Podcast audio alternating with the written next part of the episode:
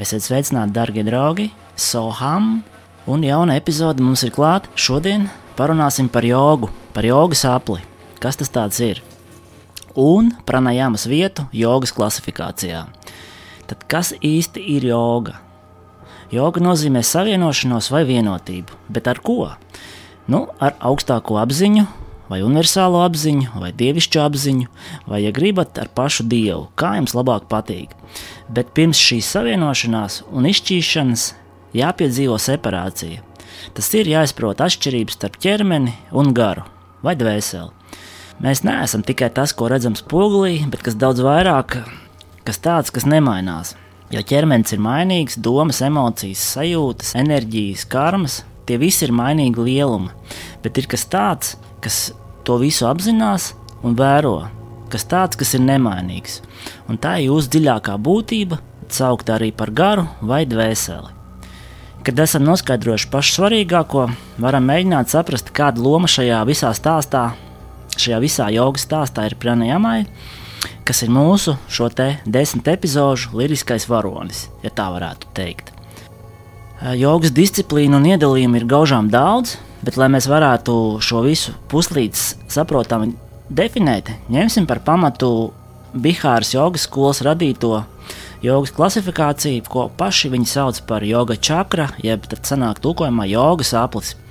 Nu, kas manā skatījumā ļoti skaidrs, saprotams un visu aktuālo jogas disciplīnu ietverošs. Nu, lūk, tad uh, viņi iedala jogu divās lielās grupās - ārējās jogas un iekšējās jogas.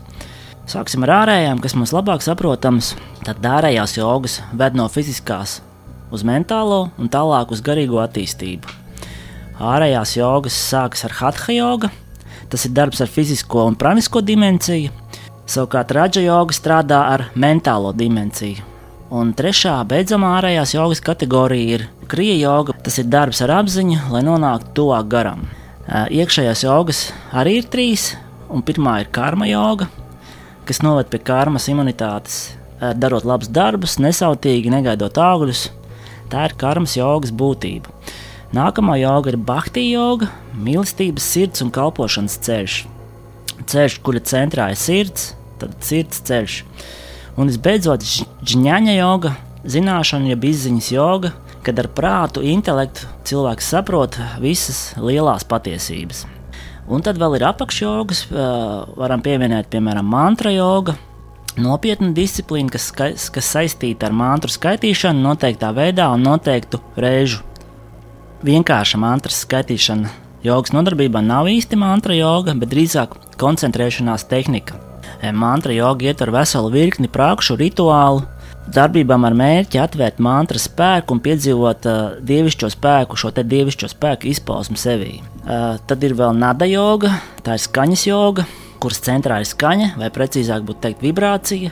Viss sākās ar lielo sprādzienu, tad ar skaņu. Sākumā bija vārds, teikts Bībelē, tad arī skaņa. Vienkāršojot, tā ir meditācija uz dažādām skaņām, tā skaitā arī uz mantras skandēšanu, bet galvenā, galvenokārt tā ir meditācija uz iekšējo skaņu.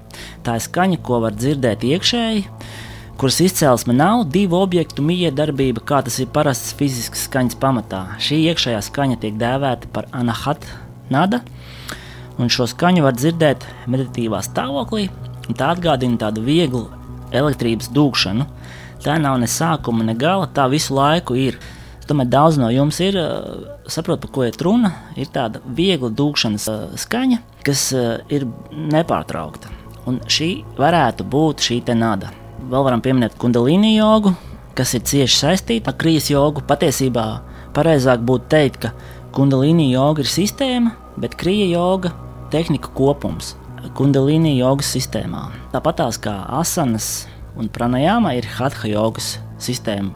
Prakses savukārt meditācija ir raģa jogas uh, prakse. Kundalīni jogas pamatā ir mugurkaula pamatnē dusošās garīgās enerģijas atmodināšana un virzīšana galvas centra virzienā. Kad šī kundalīna enerģija aktivizējas un sāk virzīties ar mugurkaulu uz augšu, to var saukt par cilvēku garīgo atmošanos. Kundalīnī ir visātrākais jogas ceļš, bet arī visbīstamākais, jo var radīt tādus enerģijas kāpinājumus, ar kuriem cilvēka fiziskais vai mentālais ķermenis var nebūt īsti gatavs tikt galā. Nu, vairums kundalīni jogas prakšu nav domātas ģimenes cilvēkiem, ko gan nevarētu attiecināt uz krievu jogas tehnikām. Pie raža jogas pieskaitām būtu arī joga nīdra, tā kā tā ir pratihāras tehnika. Kas ir pratihāra, to mēs noskaidrosim vēl epizodes turpinājumā. Vēl var pieminēt marma jogu, kas ir neiekļaujas nevienā iepriekš minētajā kategorijā. Marma joga ir tikpat kā akupunktūra, tikai adatu vietā attiecīgie punkti tiek masēti ar pirkstu vai plaukstu. Vēl mēs zinām tādu brīnumu kā bikram joga, kas reiz pie mums bija diezgan iecienīta. Nu, patiesībā nav nekāda atsevišķa joga, bet gan hatka jogas vingrinājuma kopums, kas pasniegts sadabīgā veidā un kuram nav nekādas vēsturiskas izcelsmes.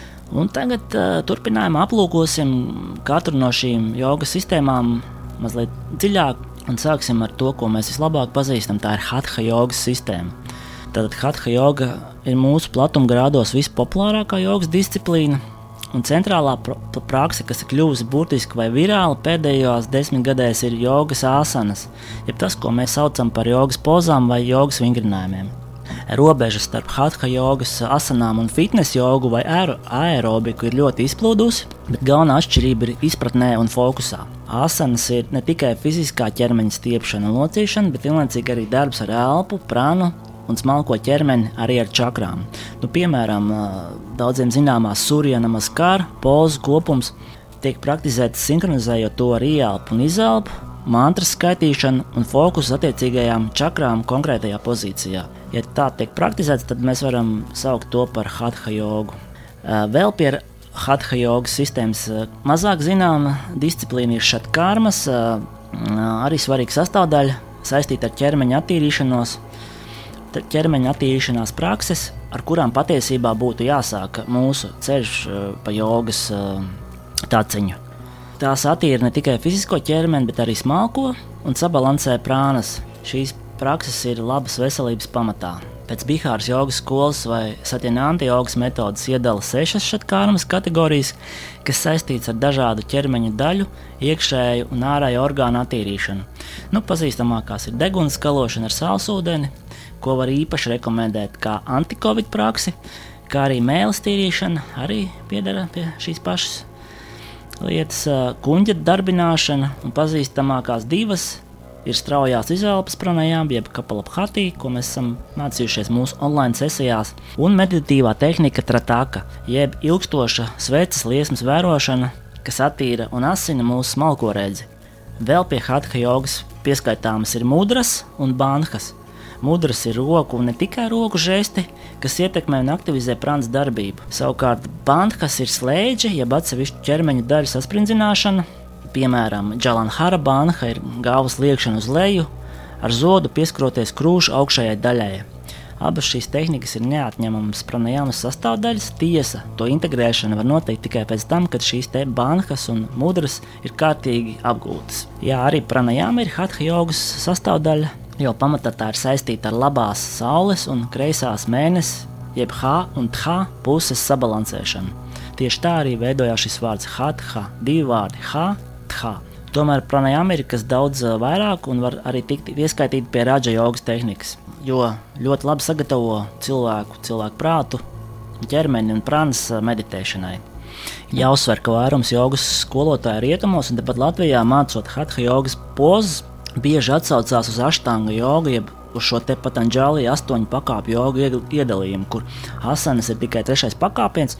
Un, kā jau minēju, patanģāli nerunā par jogas vingrinājumiem, bet par vienu stabilu pozu.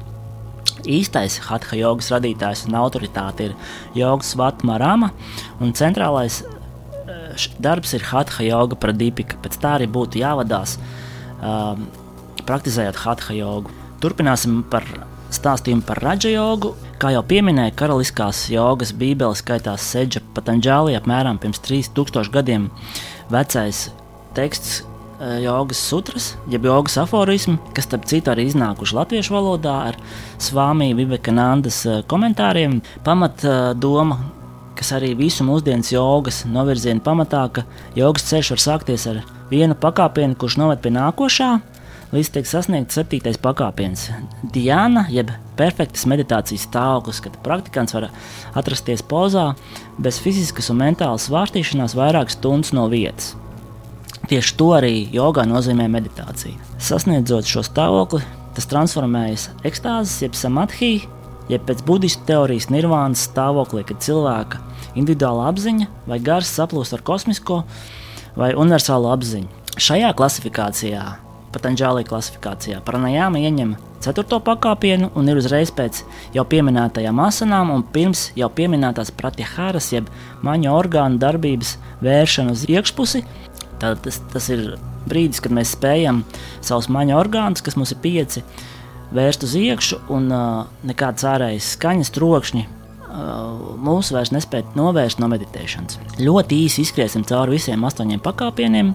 Pirmais ir un otrais ir jāmas un nijāmas, kas ir sociālajie un personīgie kodi, līdzīgi kā Bībelē baušļi. Neiedziļinoties katrā, pieminēšu tikai pirmo jāmu, vienlaicīgi arī pašu svarīgāko, pie kam identisks ir arī kristietības balsts. Un šis te ir ahimsa, jeb nevardarbība. Un te mēs nonākam pie interesanta momenta, proti ahimsa neatiecas tikai uz vardarbību darbos, bet arī domās un vārdos. Un, lai vēl vairāk sarežģītu situāciju, Ahimsa ar to vēl nebeidzās. Jūs nevarat arī atbalstīt vardarbību pret, ne pret cilvēkiem, ne pret dzīvniekiem, ne pret dzīvo radību vispār. Tas nozīmē, ka šo kodeksu nav spējīgs ievērot praktiski neviens cilvēks uz zemeslodes. Tikai varbūt kāds joks, askets vai džainists. Ja nesat tādas jāku vai zābakus, esat jau vardarbības atbalstītājs un līdz ar to neesat ievērojis šo pašu pirmo pakāpienu. Un šis ir tikai pirmais kodeks, kas jāievēro. Ir vēl citi. Godīgums, tīrība, augstāka spēku atzīšana, seksuālā atturība, kas mūsdienās transformējusies kā seksuālā mērenība, Un līdz ar to arī pastāv uzskats, ka šo stingro kodeksu ievērošana atturētu praktiski jebkuru cilvēku no jogas praktizēšanas. Tāpēc mums ir hatha joga, kas šos ētiskos kodeksus saistīja ar šatkarmām, jeb attīrīšanās praksēm uzskatot, ka cilvēks pats no sevis sāks ievērot šos kodeksus, jogas prakšu ietekmē, un tie nav obligāti sākot nodarboties ar jogu.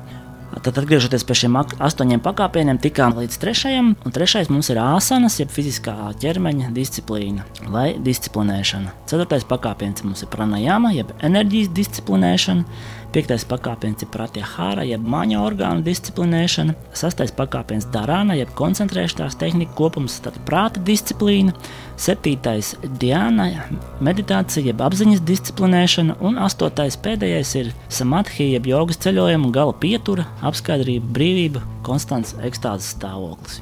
Tik tālu par aģa jogu. Vēl īsi pieminēsim krija jogu, kas varbūt mūsu platumgrādos mazāk pazīstama. Un šī ir trešā un noslēdzošā ārējās jogas disciplīna pēc Bihāras jogas skolas apļa iedalījuma.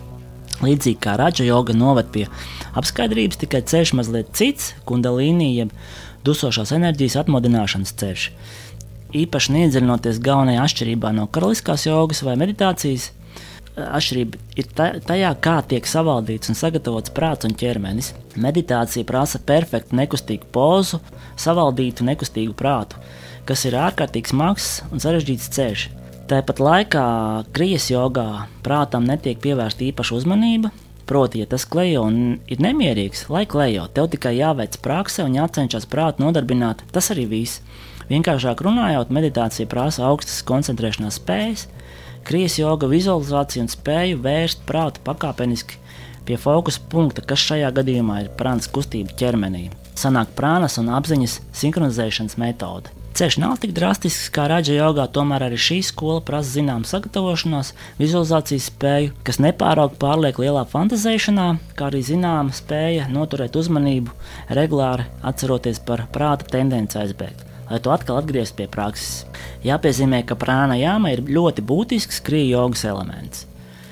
Ar šo es beidzu stāstījumu par ārējām jogām, tagad mums jāpievēršās iekšējām jogām. Bet par to mēs parunāsim nākamajā sērijā. Pagaidām es jums saku visu labu, atā, soham!